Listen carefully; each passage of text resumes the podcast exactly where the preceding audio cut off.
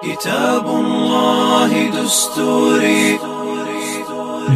كتاب الله دستوري وخير الخلق أسوتنا. بسنته جلا نوري لهدي الحق أرشدنا. كتاب الله دستوري وخير الخلق أسوتنا. بسنته جلا نوري Elhamdulillahi Rabbil Alemin, wassalatu wassalamu ala Rasulillah. Zahvaljujem Allahu Đelešanu koji nam je omogućio da se ovdje okupimo. Salavat mir i selam na Allahu poslanika ali i salatu wassalam njegovu porodcu, častne savje i sve one koji slijedi na putu istine sudnjega dana. Braću moja draga, mi se nastavljamo u našem terminu redovno družiti iščitavajući knjigu Šija Safeta Kuzovića svojstva Allahu poslanika njegovog namaza.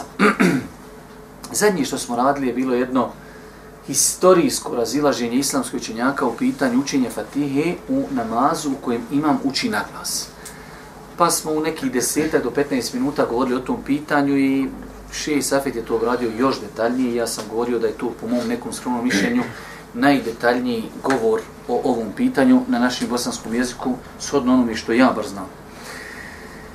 Ja želim da samo za kraj, nakon še što je preferirao mišljenje da treba uvijek učiti Fatihu, a eto ja, moja ta malenkost imala je snage i hrabrosti da zauzme drugi stav, imamo jednu napomenu od šest safeta koja je veoma bitna. I mi pokušajemo kroz ovu naše predavanje, a i šest safet neprestano u knjizi o tome govori, da tu oštricu, znači koja je prisutna danas u umetu, koja je nastala kao plod fikskog razilaženja, da je maksimalno isturpijamo i da je malo ublažimo, da ljudima pokažemo da je razilaženje među učenjacima normalna stvar i da to nikako ne smije biti razlogom da neko samo zato što je neko digao ruke ovako ili neko ovako da ga drugačije gleda ili neko uči fatihu, neko ne uči i tako dalje.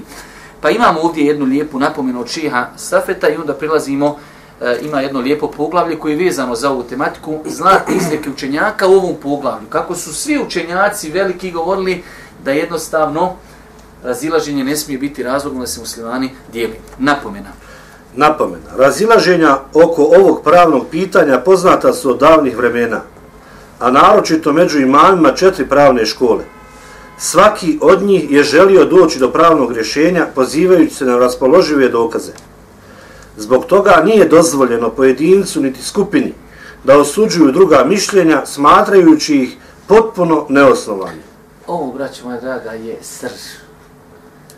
Znači, prvo, nismo mi bolji od prvih generacija, pa da mi danas imamo jedan stav četiri mezheba došli su historijski jedan za drugim i svi su oni pokušavali shodno dokazima koji su došli do njih i razumijevanju dokaza da dođu do istine. Pa su zauzeli različite stavove i tolerisali su imami mezheba, vjerujte, kad čovjek se vrati u njihovu istoriju, klanjali jedan za drugim, učili jedan od drugog, to njima uopšte nije bio problem. Već su njihovi sljedbenici, naročito u malo poznim godinama poslije, jednostavno toliko su tu tematiku isforsirali da su ljudi bili spremni slagati na Božijeg poslanika. Imate lažne hadise o vrijednosti imama Šafije, o imama Malika, imama Ebu Hanife. Ljudi toliko su znači ogrezli u tome da izmisli hadis da je poslanik nagovijestio da će doći naš mezheb i naš mezheb je najispravniji. Toliko su ljudi daleko otišli u tome, tako da razilaženja u mnogim fiskim pitanjima su poznata već 1200 godina mora da znamo da svi ti imami su imali jasan cilj da pokušaju doći do istine.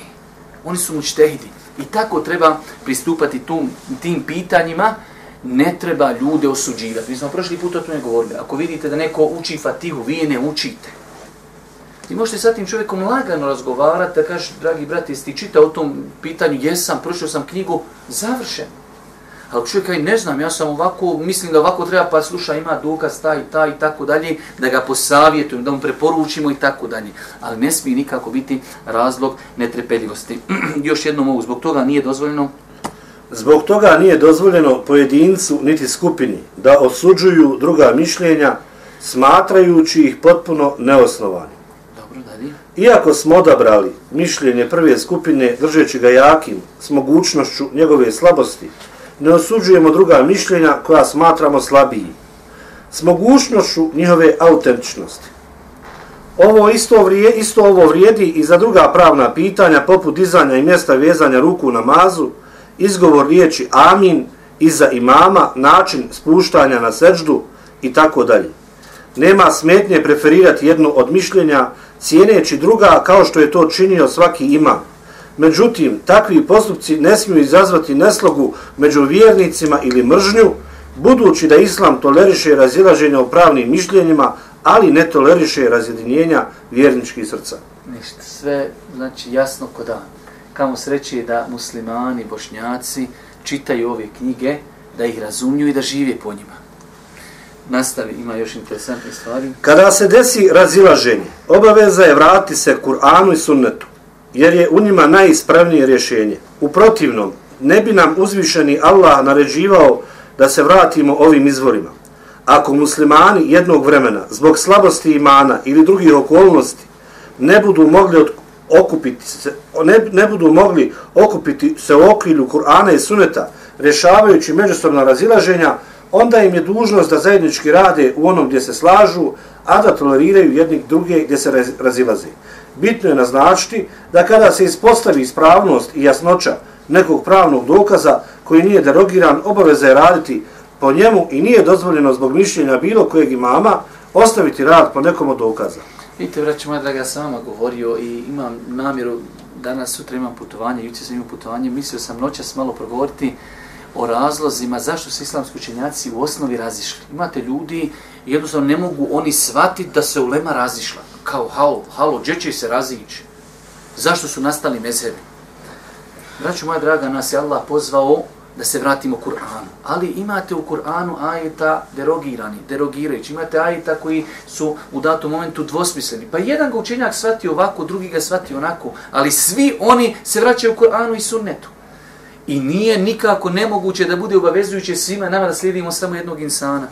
I vi vidite, historija je najbolji pokazatelj. Dva najveća učenika imama Ebu Hanifi, nakon što su uzeli od njega ilm, uzeli od njega znanje, kada su otišli, pogotovo eh, Ebu Jusuf, eh, Muhammed Šejbani, drugi učenik, kada je otišao u Medinu, sreo se sa imamom Malikom, promijenuo je mnogo svojih stavova i mišljenja u mezhebu. Zato što je čuo neke stvari koji su bile nepoznate imamo Ebu Hanifi. Pristup određenim pitanjima drugačiji. I nikad niko nije zamirio tom Ebu Jusufu ili Muhammedu Šejbanju zašto su određena pitanja iz mezheba ostavlju ili neka druga mišljenja. I nikad i niko nije proglasio da nisu hanefijskog mezheba i da su problematični i da su kritični. Pa je neispravno, braću moja draga, razumijevanje osim ako imamo čovjeka koji zaista nema mogućnost da čita, da uči, njemu kažemo ovo ima mezeba, slijedi ga u svemu i završena stvar. Ali ako imamo mogućnost da čitamo, da učimo, imamo pristup dokazima i razumijemo te dokaze, gdje je onda problem da kao što je uradio Ebu Jusuf i Mohamed Šeibani, dva najveća definitivna učenika imama Ebu Hanife, da pročitamo i druge dokaze i da povremeno iziđemo iz hanefijskog mezheba. Jer vidjet ćete sad ove zlatne izreke, vidjet ćete da većina mezheba, imama, četiri mezheba, svi su oni govorili, ako naiđete da je naše mišljenje u koliziji sa sunnetom, odbacite naše mišljenje, jer smo mi ljudi pogrešivi, a sunnet Božijeg poslanika je nepogrešiv. Nastavljam dalje, niko od imama. Niko od imama nije obavezivao na slijepo slijedženje nekog od islamskih učenjaka posebno, jer nepogrešivost u vjeri pripada samo poslanicima, dok učenjaci mogu pogriješiti u interpretira, interpretiranju inter, interpretiranju versko-pravnih pitanja, bez obzira na stepen njihove znanosti. Najistaknutije islamske ličnosti i osnivači velikih pravnih škola nisu dozvolili da ih neko slijedi slijepo ili preferira njihova mišljenja nad hadisima poslanika sallallahu alaihi wa sallam. Jasno.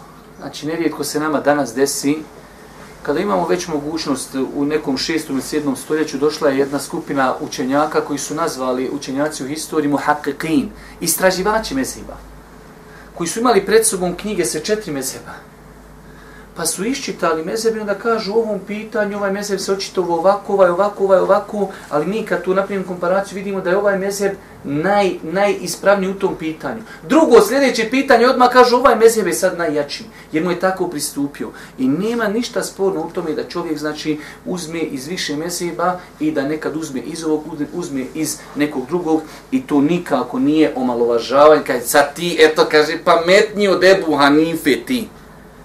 Nije da je čovjek pametniji od Ebu Hanife, ali došli su veliki učenjaci koji su na rangu Ebu Hanife nakon njegove smrti i zauzeli drugi stav. Pa zašto ja baš moram slijediti samo Ebu Hanifu? Ili obor, i mama Malika, i mama Šafiju, i, i mama Ahmeda. Tako da, braću moja draga, ova pitanja treba ih lijepo razumjeti i spustiti na zemlju. Imamo nakon toga šest safet nam je svakako opet sa uh, spominjanjem izvora spomenuo nekoliko veoma lijepih izreka da vidite kako su ljudi u prvom vremenu e, znači islama nisu bili opterećeni tim stvarima. Pa da vidimo nekoliko tih izreka. Poznati tabin Mujahid ibn Džebr je rekao od svakog se prihvata i odbija osim riječi poslanika sallallahu alaihi ve sellem. Isto ovo kazao je poznati tabiin i pravnik el Hakem ibn Utejbe el Kufi citirana izreka se također pripisuje imamu Maliku. Vidite, od svakog se privata i odbija osim od porožnih poslanika. Ok, to je insan. Imam Šafja, imam Malik, Ebu Hanife. Ali možda je pogodio 90% slučajeva, ali 10% nije pogodio. Šta ćemo s tih 10% slučajeva? A imamo jasno na drugoj strani ti 10% slučajeva istinu. Ne, ne, samo slijedi, ne smiješ dignuti glavu, ne smiješ razmišljati. Nema logike, vjerujte da nema logike. I oni sami su na to upozoravali. Ako vidite da je naše mišljenje u koliziji sa hadisom, do, ta, do nas taj hadis nije došao, uzmite hadis. Pa znači, svako može pogriješiti. I neispravno je, vjerujte, razumijete, kaže, eto, sad ti si pametniji, od pametniji si od veliki učenja. Nije čovjek pametniji, već imamo sad mogućnost da određenim pitanjima pristupimo kroz četiri mezheba i jednostavno da vidimo koji mezheb je bliži istin. Dobro, što kaže Imam Ebu Hanife? Imam Ebu Hanife je rekao, kada se ispostavi vjerodostojnost hadisa, to je moje mišljenje. Isto ovo se prenosi od ostala tri imama i Ebu Seura. Et, kad se ispostavi, danas imam Ebu, Ebu Hanife historijski gledan, gledano, on je prvi od imama Meziba. I tada su se još hadijske zbirke formirale. On je prvi bukvalno pisao, hajde da kažemo, baš njegovi učenici od njega prenoseći o fiku. Pa se još fik nije razgrano, još hadijske zbirke, još nisu ocijenjeni hadisi, još nije to sakupljeno i zato je on odmah se ogradio. Ako nekad naiđete na vjerodostan hadis, to je moj mezheb. Čak su njegovi učenici govorili kada su sjeli kod imama Malika i čuli neke hadise, kaže da je naš imam živ, znajući njega i njegovu želju za istog, on bi prihvatio ove dokaze, on bi potom i radio. Ljudi nisu bili opterećeni imenima, ljudi su bili opterećeni istinom. Pa je to veoma bitna stvar. E, ima dole na kraju, ima Ebu Hanife, Ebu Jusuf, kažu, zadnji. Što se tiče tabi, aha, imam Ebu Hanife i Ebu Jusuf kažu, nije dozvoljeno nikome da slijedi naša mišljenja dok ne sazna kako smo do njih došli. Dobro, ima Ebu Hanife. Ebu Hanife je rekao svome učeniku Ebu Jusufu, o, o Jakube, dobro pazi i ne piši sve što čuješ od mene, jer danas kažem jedno, a možda sutra drugo. U drugoj predaj imam Ebu Hanife kaže Zabranjeno je onome ko ne poznaje moje argumente pozivati se na moje riječi. Ibn Qayyim navodi da imam Ebu Hanife rekao ovo je moje mišljenje ko dođe s boljim od njega, to jest jačim argumentima, prihvatit ćemo ga. Vidite kako su oni bili jednostavni. Stvar su vezali za dokaz i odmah prihvataju to mišljenje. Mi smo obrnuli priču pa se vezujemo za ime kako ti možeš biti pametniji od toga? Nisam pametniji, nija ili neko drugi, već jednostavno imamo mogućnost da odaberimo. Dobro, znači Šej Safet je zaista ovdje citirao e, mnogi, mnoge predaje i oni koji imaju vremena svakako. E, na kraju samo zadnja stvar u vezi, znači pogledajte kako su, kako se ima Malik, pazite, on ima knjigu Muata, ima Malik je muhadis, ali je bio čovjek, znači, e, jak u fiku. Znao je kazati za sebe, nisam sjeo da držim dersove u Medini, u džami Božih poslanika, dok mi 70 učenjaka Medine nije reklo, ti si spreman, ti si kompetentan. I opet se njemu, kao imamu, maliku, znalo desi da određeni hadisi iz Buhari i muslima nisu do njega došli. Da on nije radio po njima. Da se, onu, suprostavljaju se tom stavu jer nije znao hadis. Pa evo primjer radi šta kaže u vezi sa ovim. U vezi sa ovim spomenut ćemo jedan primjer. Naime, ima Malik u vezi s postom šest dana nakon Ramazana u Šaualu kaže Ne znam nikog učenjaka prvih generacija da je postio ove dane. Oni su to smatrali pokuđenim, bojim se posljedica tog postaje novotarije. Kako se ne bi pripisalo Ramazanu ono što nije od njega. Međutim, većina islamskih učenjaka smatra ovaj post pohvalnim. A hadis koji ukazuje na odliku posta ovih šest dana, bilježi ima muslim u svome sahihu. Jeste vidjeli? Hadis kod imama muslima, koji isposti mjesec Ramazana, zatim to poprati šest dana mjeseca Ševuala, kao da je postio cijelu godinu. Uj, kod imama muslima zabilježen hadis. Ima Malik za njega nije čuj. kaže, ja smatram pokuđenje se to posti, bojim se da to bude neka novotarija. A s druge strane, učenjaci koji je došao taj hadis, većina učenjaka smatrala to pohvalno. A to samo ukazuje, ovo je plus za njega, da je se toliko bojao da nešto kaže, nema hadisa. Ali kada dođe hadis, mi prihvatimo hadis, a poštojemo imama Malika. Tako da, znači, braću moja draga, to je ispravno razumijevanje. Nakon toga mi smo idemo nekim hronološkim redom kada u pitanju namaz, pa smo prošli put govorili o početnom tekbiru, o učenju fatihe i logično je kada čovjek prouči fatihu kao e, temelj namaza, mi smo govorili znači kada je fatiha obaveza, kada klanjaš sam, to je obaveza. Kada se uči u namazima u kojima imam uči u sebi obaveza. Postoji razilaženje samo, znači postoji još neka razilaženja, ali za nas bitno kada imam uči na glas. Pa smo rekli da postoje tri mišljenja, postoji mišljenje da treba učiti, postoji mišljenje da ne treba učiti i završili smo. Nakon fatihe šta? Dolazi izgovaranje amin. Pa da vidimo šta nam šest safet kaže o tome. Riječ amin po koncenzusu islamskih učenjaka izgovaraju imam i muhtedije nakon naglas proučene el fatihe. Znači, opet imamo, imamo tri kategorije ljudi. Imamo imama, imamo muhtediju. Oni to trebaju reći, kaže šest safet po konsenzusu. Ali šta dalje ima? Međutim, spor se vodi oko načina izgovaranja. Spor je kako? Znači, nije sporno da li to ima legalnost u islamu, da li je to nešto za... To jest, samo je sad sporno da li to reći naglasili u sebi. A muslimani jedni na drugi reži zbog toga kod je to kapitulacija Japana. Halo, jedan rekao u sebi, jedan rekao malo naglas. Završi, idemo dalje. Jo, rekao, a pomak je u prst ljucu u Afganistanu, vidite, mi ćeš prstom, oni gore, a ne fijski, vidimo, tu fati za prst, č, i gore slomi, e sad mi će, kaže, čači smo. Halo, Allah, ti se džeta, od koga se ta tolerancija može naučiti? Ali nauči se kroz generacije kad, kad učiš od netolerantnih ljudi. Ljude treba pozivati u toleranciju. Neko miće prstom, neko ne miće. Ama ne treba da vidiš da li miće, da li ne miće. U nas je problem, mi sve mi vidimo, ako je 18 ljudi u sabu, mi sve vidimo ko miče i ko ne miči. Koga su traljavi čarapi, ko je digo, ti pazi, ti ovako dođeš, on vidi svi ljudi ko je do ovdje digo ruke, ko je do ovdje. Kako more ko razrok kao ovca, on gleda ili lijevo i desno čovječe. To njega postavi na semafor, on će ti sve, sve pravci će ti snimiti koje prekršaj napravi na semaforu. Halo, gledaj, preda se, stao si pred Allaha, Đelešanu, jel neko digo ruke, nije digo ruke, jel neko miči, ne miči, ne treba da, ali to je problem kad ne znaš što si došao u džamiju. Kaj meni smita.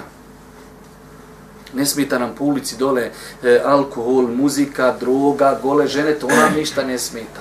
A kad dođe brat musliman, stao u namaz, samo što miči namazom, kaj ne znam šta klanjam zbog tog prsta. A ima još neko ko mi smeta, ali nećemo to sad ovog puta spominjati. Dobro. Međutim, spor se...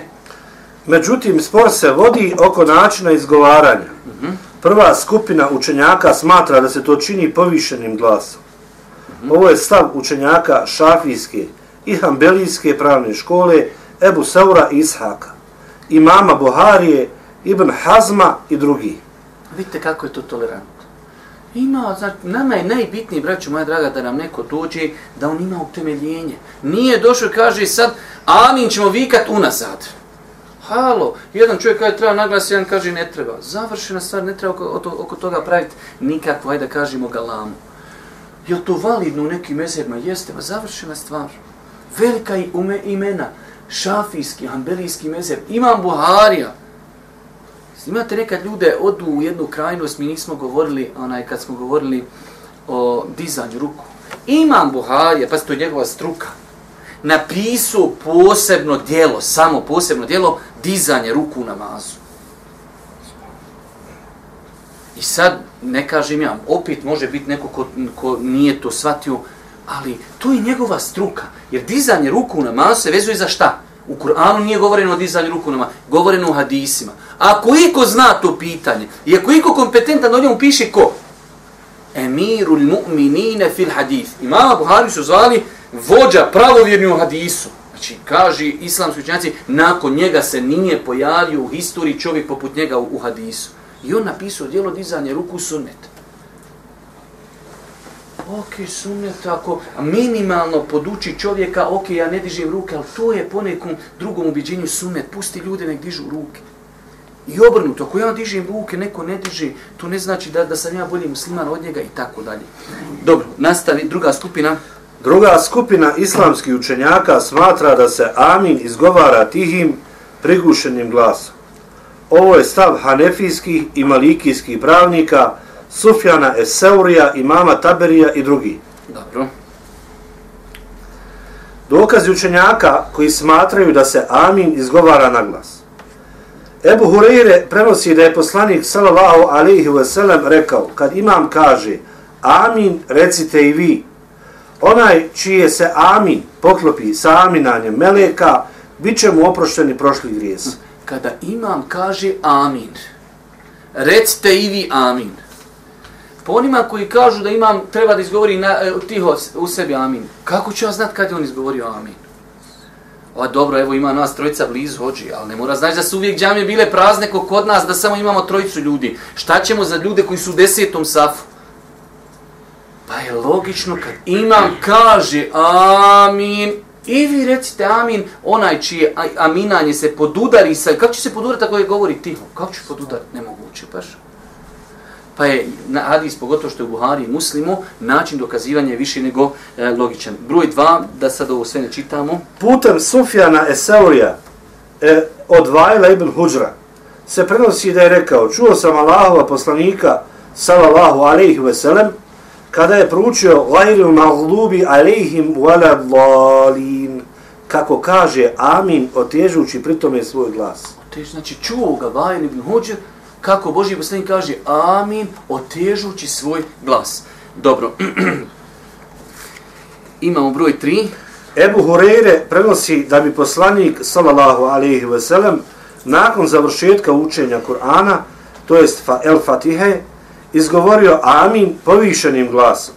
Evo ovo nam, slušajte sad šta kaže imam muslim. Imam muslim tvrdi, od poslanika, sallallahu alaihi ve sellem, prenosi se mutevatir predaje, da je izgovarao amin na glas. Znači šta znači mutevatir predaje? Mi smo jedne prilike ovdje to govorili, iako nije moja struka hadijska, ali mutevatir predaje predaja koja je kroz sve generacije prenošena u toliko velikom broju da je nemoguće racionalno i na bilo koji način drugi da su ti ljudi prenijeli neisti.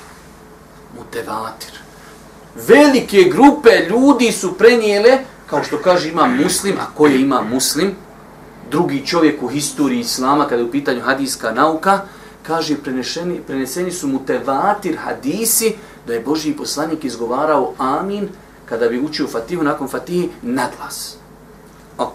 Idemo, ima još tu par dokaza, e, oni koji žele nek poslije čitavaju, dokaz učenjaka koji ne smatri da se amin izgovara na glas.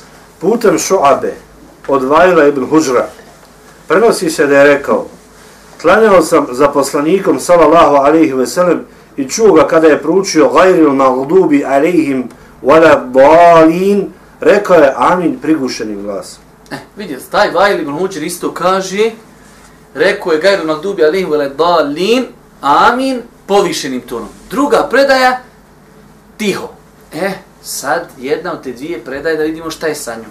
Evo da vidimo, ajde malo sam nam pročitaj, Ova, se plano time umarati. Ovaj hadis, kako smo već spomenuli, došao je putem Sufjana i Seurija, a u njemu se spominje da je poslanik sallallahu alaihi ve sellem izgovorio amin otežući pritome svoj glas, a ne prigušenim glasom.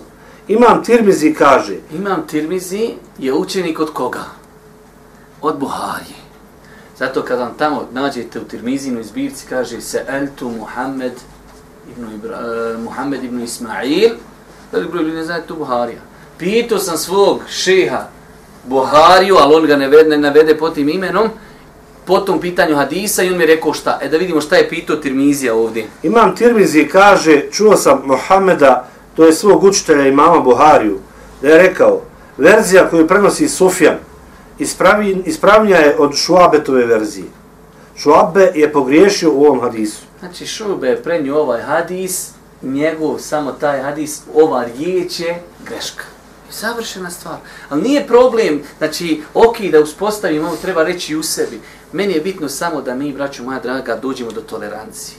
Ok, neko će uzeti onu predaju gdje Boži poslanik reklo je da se pre, pre, da izgovarao naglas, govori naglas. Ovaj kaže ja ću rad po ovoj predaji od šurbe da se govori tiho. Ok, ti naglas, ja tiho i završena stvar. Mirna Bosna. Moramo li svi uzeti golfa? Moramo svi vozat pasat. Halo, ovaj voli Ladu, ovaj voli Škodu, ovaj voli Oktavi, završena stvar. Ne, ne, ne, ne, ne, ne. Moramo svi vozat Folciku. E, to vam je to jedno umlje.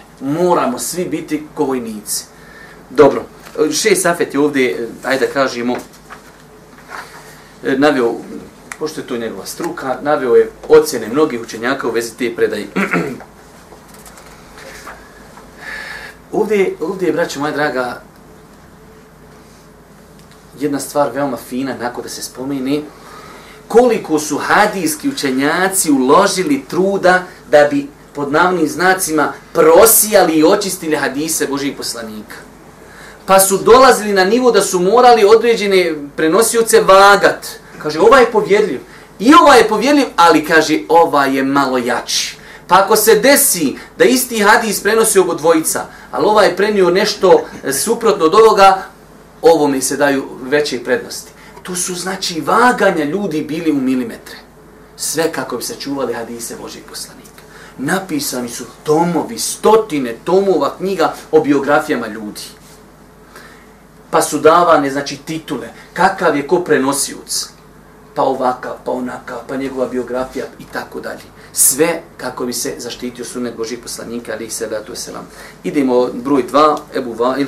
Ebu Vail prenosi da Omer i Alija nisu izgovarali, izgovarali amin na glas. Vidite, znači, tamo kada je u pitanju prvo mišljenje, imate više argumenta, čak ima muslim, kaže mu tevatir, predaje da je Boži poslanik izgovarao amin na glas. Ovdje ovo drugo mišljenje imamo jedan hadis i već odmah dolazimo, a to je, znači uvijek da znate, e, redosljed u knjigama kad se pišu, prvo se navode hadisi. Kad više nemaš hadisa, prelaziš na nešto što je niži stepen, a to su predaje od ashaba. Še safet je navio ovdje jedan hadis i ocjenjuje taj hadis da je ta predaja suprotna drugim predajama i odmah sad prelazi na nema više puno dokaza o izgovaranju amin u sebi. Dolazimo do, već prelazimo na predaje ashaba. Šta kaže Ebu Vajl prenosi od Omera ili Alije da nisu izgovarali amin na glas. Šta kaže u lancu? U lancu prenosilaca ovog hadisa ima Sejd ibn el Mur Murzuban. Uh -huh. Nepouzdanim ga smatraju Sufjan ibn Ujejne, Jahja ibn Mein, Ebu Zura, Er Razi, Ebu Hatim Er Razi, Nesai, Iđli, Ibn Adi, Zehebi i drugi. Pogledajte, jedan čovjek, koliko se ljudi oglasilo kakav je taj prenosioc. Ali taj svaki čovjek ima svoju knjigu. Pa za svakog čovjeka, da bi ga provjerio, moraš otići u njegovu knjigu i provjeriš šta je on o njemu rekao. To je nauka, to je struka. Ovaj prenosi da su dva sahaba izgovarali u sebi, ali taj što prenosi, deset ljudi za njega reklo nepoustavno. Dalje. Dobro. Tako da, braću moja draga, Allah najbolje zna što stiče s aspekta hadijske znanosti, argumenti koji ukazuju da se izgovor amin izgovara na glas i imam i muktedija su jači. I nima sumnje u to. Ali rekli smo, vraćamo se na to da treba poštovati onoga ko zastupa drugo mišljenje i onaj ko nažalost zastupa drugo mišljenje treba da, zastu, da, da poštuje onoga ko e, praktikuje prvo mišljenje. Dobro, ovdje imamo e, sad nakon toga jedno pitanje. Prošli put smo govorili. Imam kad prouči Fatihu, onda nakon toga će učiti suru, nakon izgovorenog Amin. Tu dolazi do tu razilaženja da li Muktedija će učiti Fatihu. Pa po nekim učenjacima kažu lijepo je ostaviti prostora, nemoj odmah počinjati učiti suru, ostavi 30 sekundi i prazno šuti, nek ljudi prouče Fatihu i mirna Bosna. E da vidimo ima li u sunnetu Božijeg poslanika to. Ok, mi ćemo reći ljudima, rate tako, ali ne možemo im reći nešto ako to nije sunet Božijeg poslanika. Da li znači ima u periodu nakon Fatihe vrijeme kada se šuti? Da bi se ljudima omogućilo da prouči Fatihu. Pa, čitaj nam. Da li se muktedijama ostavlja mogućnost za učenje El-Fatiha?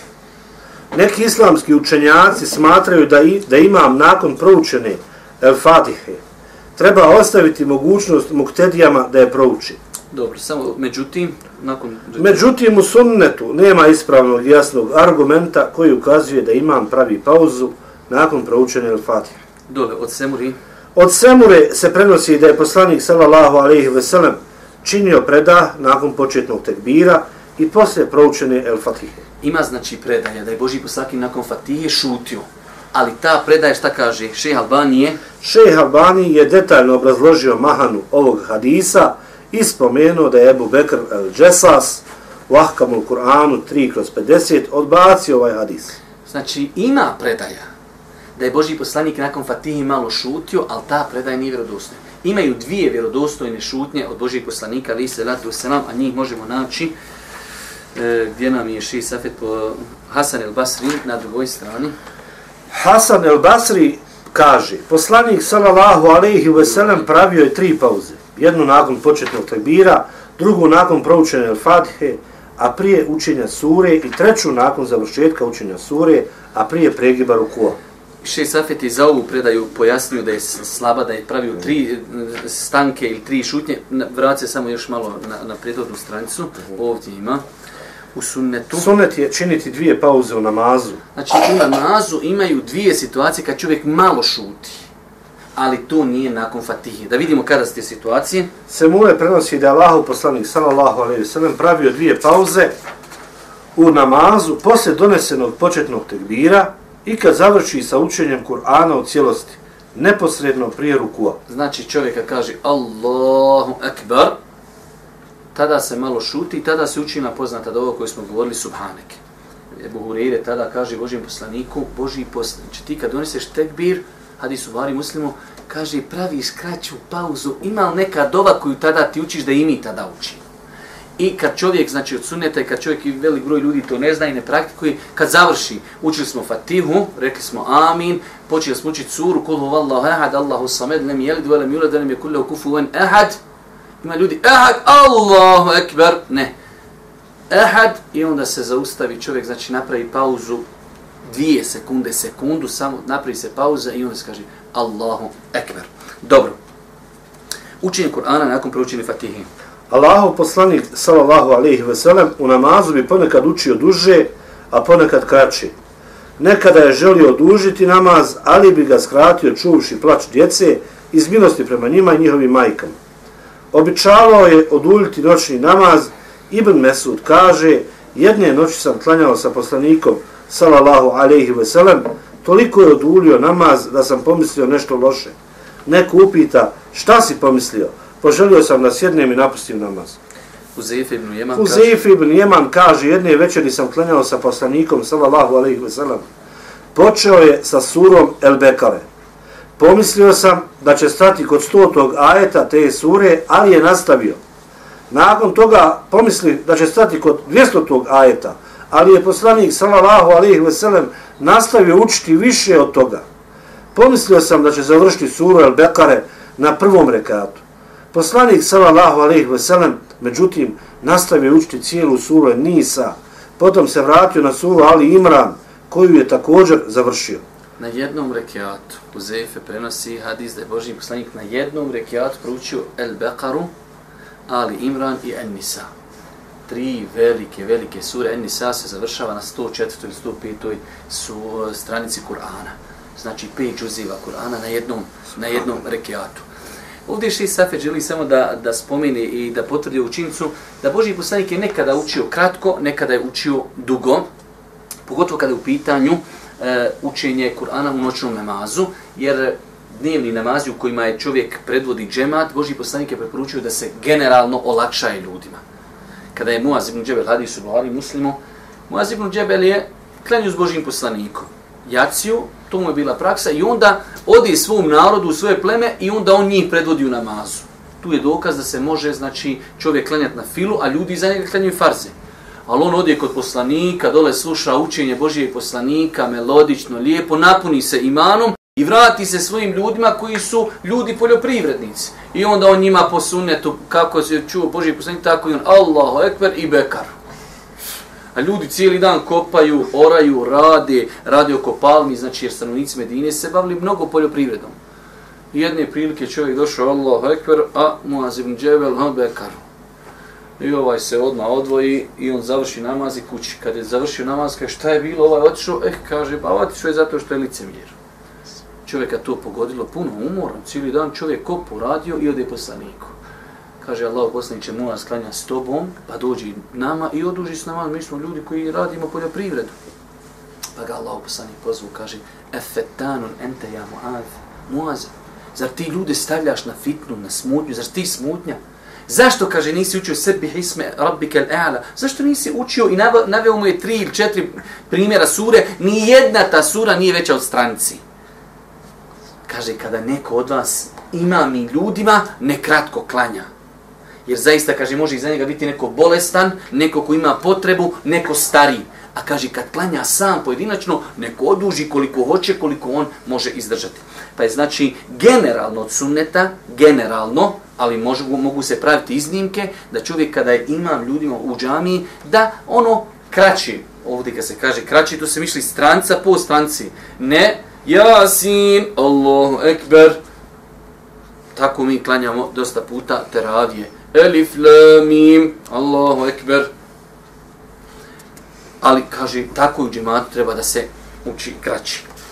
E, učio je lagano, ovo je isto lijepo zamisli. Ja sam mislio da ovo sve preskočimo, ali vjerujte da ima mnogo koristi koliko se koji e, rekiat, za, za, koliko za koji namaz postoji potvrđeni sunita i šta je od prilike Boži poslanik učio u nekim namazima, ali prije toga e, jedna velika po, pouka. Šta je? Učio je? Učio je lagano, razmišljajući o porukama ajeta. Kada bi učio ajete u kojima se slavi uzvišeni Allah, slavio bi ga. Kada bi učio ajete čiji konteksti sadrže dovu, uputio bi Allahu dovu. Kada bi učio ajete u kome se traži zašta od Allaha, tražio bi je. Ovo, vam je, ovo je govor Onom hadisu, koliko je učio sura, četiri, tri sure, u jednom rekiatu, nastavlja. Boži poslanik bi učio lagano, razmišljao je. Kada bi učio ajete u džehennemu, utjecao bi se u džehennema. Kada bi učio ajete u milosti, gdje se govori o Allahu milosti, on bi zaustavio kirajet. Tako da je ovo jedna velika pojenta. Gdje nam dole u fusnoti 976 pročita jednu korist? U ovom hadisu? U ovom hadisu je dokaz da učenje sura ne mora biti po kuranskom redoslijedu. Boži poslanik proučio na prvom rekiatu Bekaru. Pa je preskočio šta? Ali Imran. Pa je učio En Nisa. Aj dobro da... Pa se opet vratio na Ali Imran. Redoslijed ide Bekara, Ali Imran, En Nisa. Pa je Boži poslanik učio Bekaru. Pa otišao na En Nisa. Pa treću suru učio.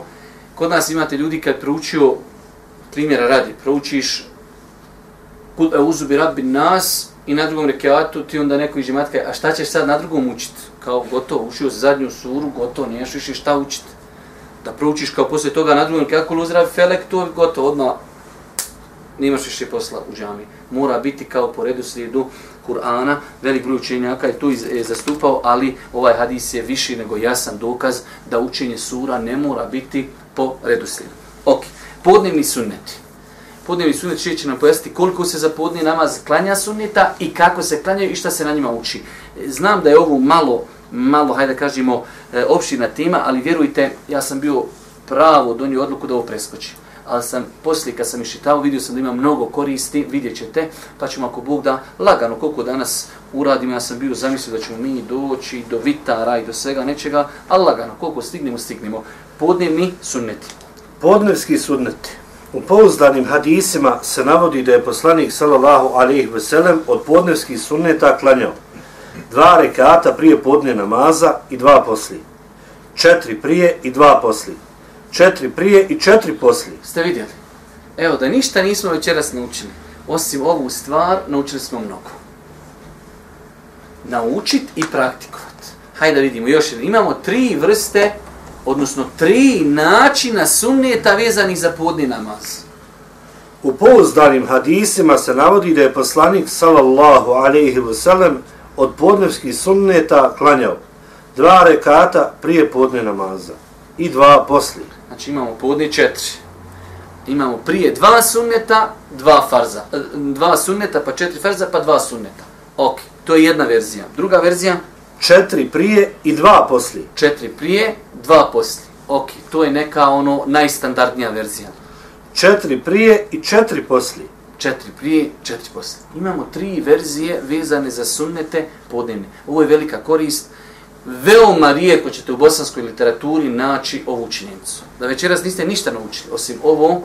Kod nas je, ono, fino je, braćo, ja se ne želim ismijavati sa tim, ali kod nas je, podne ima deset rekiata, četiri sunneta, četiri farza, dva su sunneta. Nema drugačiji, ne postoji, nemoguće. I čak još šta je gori, kad čovjek ta četiri sunneta smata da su farzi, ali samo im ime sunneti. Ili ću klanjati sve deset ili neću klanjati ništa. Sunneti. Mene čovjek, rekao sam, neki dan čovjek nazvao, rekao, brate, znaš ti definiciju šta je sunnet? Pa kaže, pa to je ko neka na fila. Bravo, na fila. Znači, nije obavezno. Pa je, znači, lijepo pokušajte ovo živjeti u životu. Nekad klanjate dva rekiata prije, dva poslije. Nekad klanjate četiri prije, dva poslije. Nekad četiri prije i četiri poslije. E, nećemo se nakon toga, e, nastavimo ovo je dobro, bolje je, Bolje je klanjati dva po dva rekata, a može se klanjati četiri rekata sa jednim selamom. Ovo je druga korist koju ćete veoma teško naći u bosanskoj literaturi. Ovi sunneti gdje se klanjaju četiri rekiata, bolje je klanjati svu na, zapamte danas jedno veliko pravilo, svu na filu, kad god hoćete klanjati dva po dva, dva po dva, to je najbolji način. Ali imate vjerodostojne hadise da se četiri rekiata ti spodnjevi suneta klanjaju u komadu sa jednim selamom. Pa znači i to je sunnet, i to treba ponekad praktikovati da se te stvari ne zaboravi. Dobro, budinski farzi. Allahov poslanik, sallallahu alaihi ve sellem, klanjao je četiri rekata podneskog farza, učijeći na prva dva rekata El Fatihu i suru u sebi. Na druga dva rekata učio je samo El Fatihu, također u sebi. Na prvom rekatu bi učio znatno duže nego na drugom.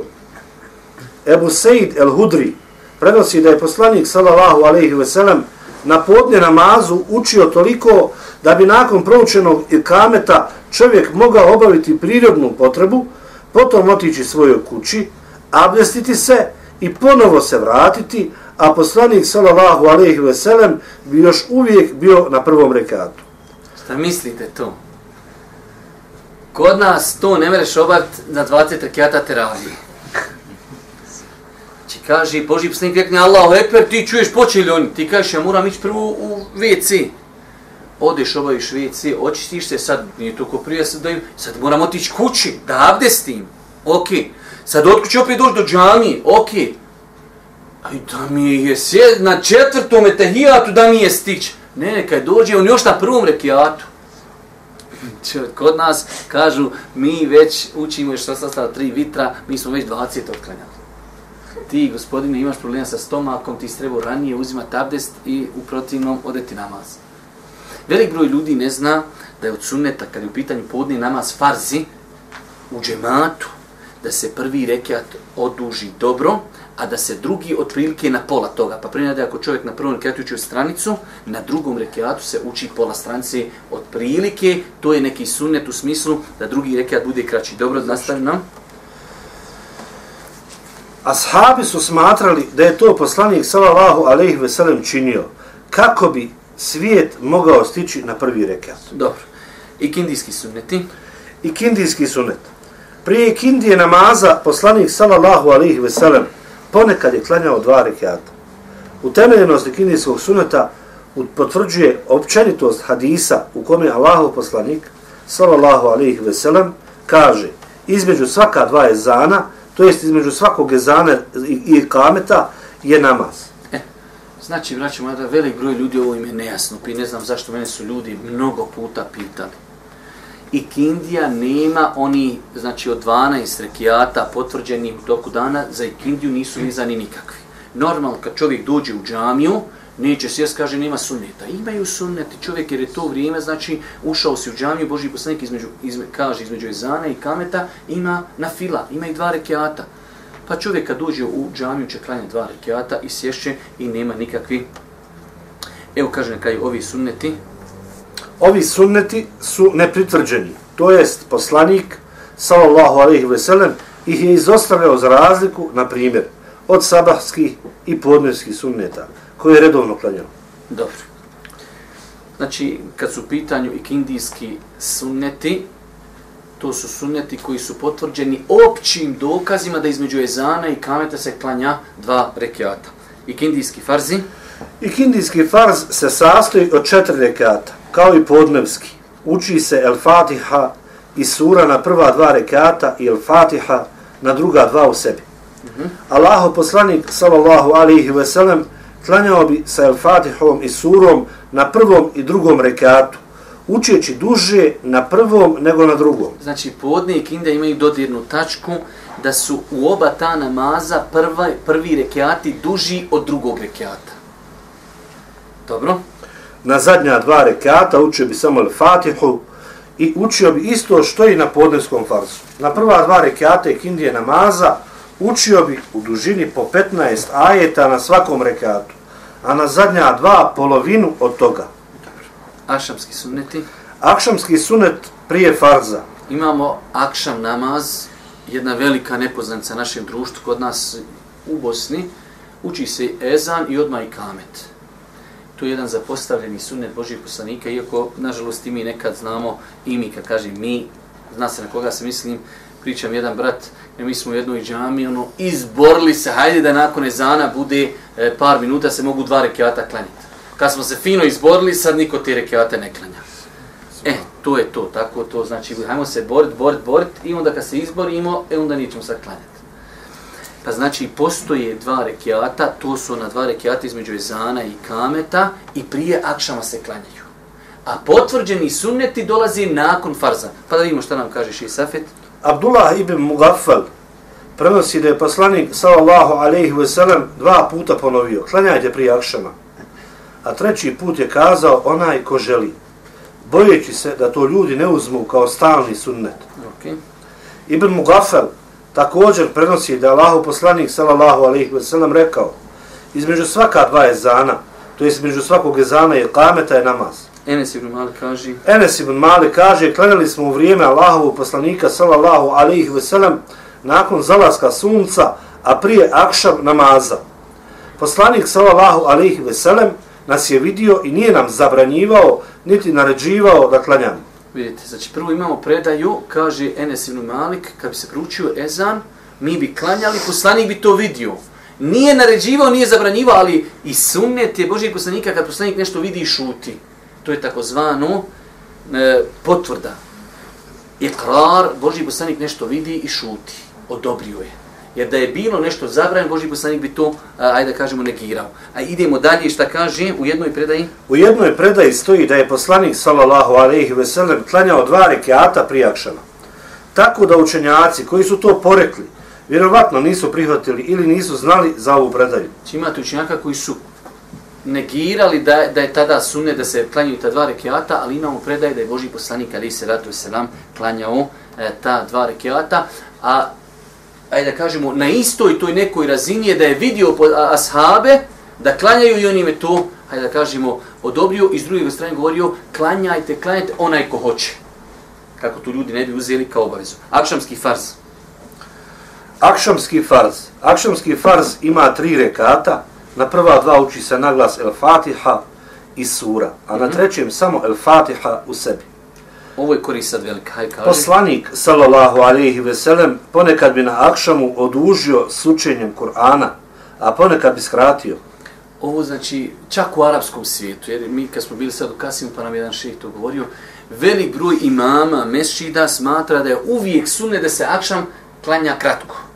Ali je netačno. Čak kad se svi hadisi saberu koji su preneseni od Asava, šta je Boži poslanik učio za akšam, više je hadisa da je učio duže sure nego kraći ali minimalno što možemo reći da je od sunneta da se na akšamskim farzima, bez obzira da li bili u džematu ili kod kuće, nekad uče duže, a nekad kraće sure. A ne da se uvijek, uvijek, uvijek akšam sa nekim onim kraćim surama. Pazite, to je ispravno. Ali mi hoćemo, znači, ako imamo jednu dlaku, znači sunnet nepoznat, želimo da ga proširimo, želimo da ljude podučimo i da se taj sunnet praktikuje. Pa znači, kada je u pitanju farz akšamski, ponekad učiti kraće sure, ali ponekad učiti i duži. Akšamski sunneti poslije farza. Akšamski sunneti poslije farza. Ummu Habibe, radijallahu anha, prenosi da je poslanik, sallallahu alaihi ve sellem, rekao, ko u toku dana i noći klanja 12 dobrovoljnih rekata, sagradit će mu se kuća u džennetu, četiri rekata prije podne, dva poslije, dva poslije akšama, dva poslije jacije i dva poslije prije sabah namaza. Znači ovo je poznati hadis od Umu Habibi o vrijednosti klanjanja 12 rekiata i jasno pojasnjeni. Četiri prije podne, dva poslije podne i kindija, vidite, nije spomenuta, akšam dva rekiata poslije, jacija dva rekiata poslije i sabah dva rekiata prije. Tu su tih 12 rekiata. Jacijski sunneti. Jacijski sunnet prije farza. Od Allahova poslanika sallallahu alaihi ve sellem nije preneseno da je klanjao sunnete prije jacije namaza, ali se može zaključiti da prije jacijskog farza ima namaz iz predaje Ibn Mugafela u kojoj poslanik sallallahu alejhi ve sellem kaže između svakog ezana i kameta ima namaz. To je ponovio tri puta, a potom rekao onome ko želi klanjati. Znači, ne postoji poseban argument, ali nekada određeni propise uzimamo iz općih argumenta. Samo nam na kraju ovdje piše što se tiče klanjanja... Što se tiče klanjanja četiri rekata prije jacijskog farza, taj postupak nije utemeljen u sunnetu poslanika sallallahu alaihi ve sellem, iako ga hanefijski pravnici smatraju povoljnim. Znači nije utemeljen, nema za njega poseban dokaz, ali je to vrijeme kad se može na fila klanjati. Pa neko kaže ja ću klanjati četiri rekata, nije sporno ali ne možemo samo ustvrditi da ima dokaz za to u sunnetu, ali treba nekad to izostaviti, nekad klanjati ako treba šest, nekada dva, jednostavno da bi se razbila ta pod navnim znacima, hajde da kažemo ubjeđenje, samo uvijek četiri završena stvar. U sunnetu Božih poslanika ne postoji jasan dokaz da se klanjaju četiri. Postoji onaj opći dokaz između svaka dva i kameta, i ezana i kameta, treba klanjati, mogu se klanjati dva rekiata. Jacijski farz. Jacijski farz ima četiri rekata, Na prva dva se uči El Fatiha i sura na glas, a na druga dva El Fatiha u sebi. Allaho poslanik sallallahu alaihi ve sellem klanjao je jaci učeći suru El Inšiqaq i čineći seđu. A ponekad bi na prvom rekiatu učio suru Et Tin. Također bi učio Ešems i njoj slične sure. Poslanik sallallahu alaihi ve sellem koreći Muaza ibn Džebela što je kao imam odulio jaciju namaz, rekao je zašto nisi klanjao učeći sebi hisme rabike la'ala, ve šemsi ve duhaha, ve leli iza jakša, ikre bismi rabbike. Znači, pogledaj, sve ove sure koje je spomenuo, ni jedna nije duža od stranici. Kada ga je ukorio, zašto na jaci namazu nisi učio ove sure? Pa su znači e, jacija namaz od prilike trebale bi da se klanjaju te stvari. Evo da završimo još samo jacijske e, e, sunnete i farze i time ćemo ako Bog da i završiti večerašnje predavanje. Prethodno smo spominjali hadise koji ukazuju da je jacijski sunnet pritvrđeni sunnet i da se sastoji od dva rikata. Ovdje se misli na sunnete nakon farza. Dobro, sabahski sunneti. Sabahski sunnet se sastoji od dva rikata. Poslanik, sallallahu alaihi ve sellem, kratko bi učio na sabahskom sunnetu. Od Aisha radijallahu anha prenosi se da je rekla Allahu poslanik sallallahu alaihi ve sellem klanio je dva kratka rekata između ezana i kameta prije sabah namaza. Aisha radjala anha pre, također prenosi da je poslanik sallallahu alaihi ve sellem na sabahskom sunnetu učio kul ja ayyuhel kafirun kul huwallahu ehad. Imamo dvije vrste hadisa koji govori, ali sve one govori da je Boži poslanik sabaske sunete kranjao kratko. Imamo hadise koji potvrđuju da je učio kulija i kulu Allah. A čak imamo hadise iz kojih se može svat, čak možda da nije učio ništa nakon Fatihi. Kaže Iša radijallahu ta'ala o, o hadisu ovaj na, na kraju. U drugoj verziji stoji, vidjela sam poslanika sallallahu alaihi ve sellem kako kratko klanja dva rekiata sabatskog namaza, pa sam se zapitala da li je uopće učio El Fatihu.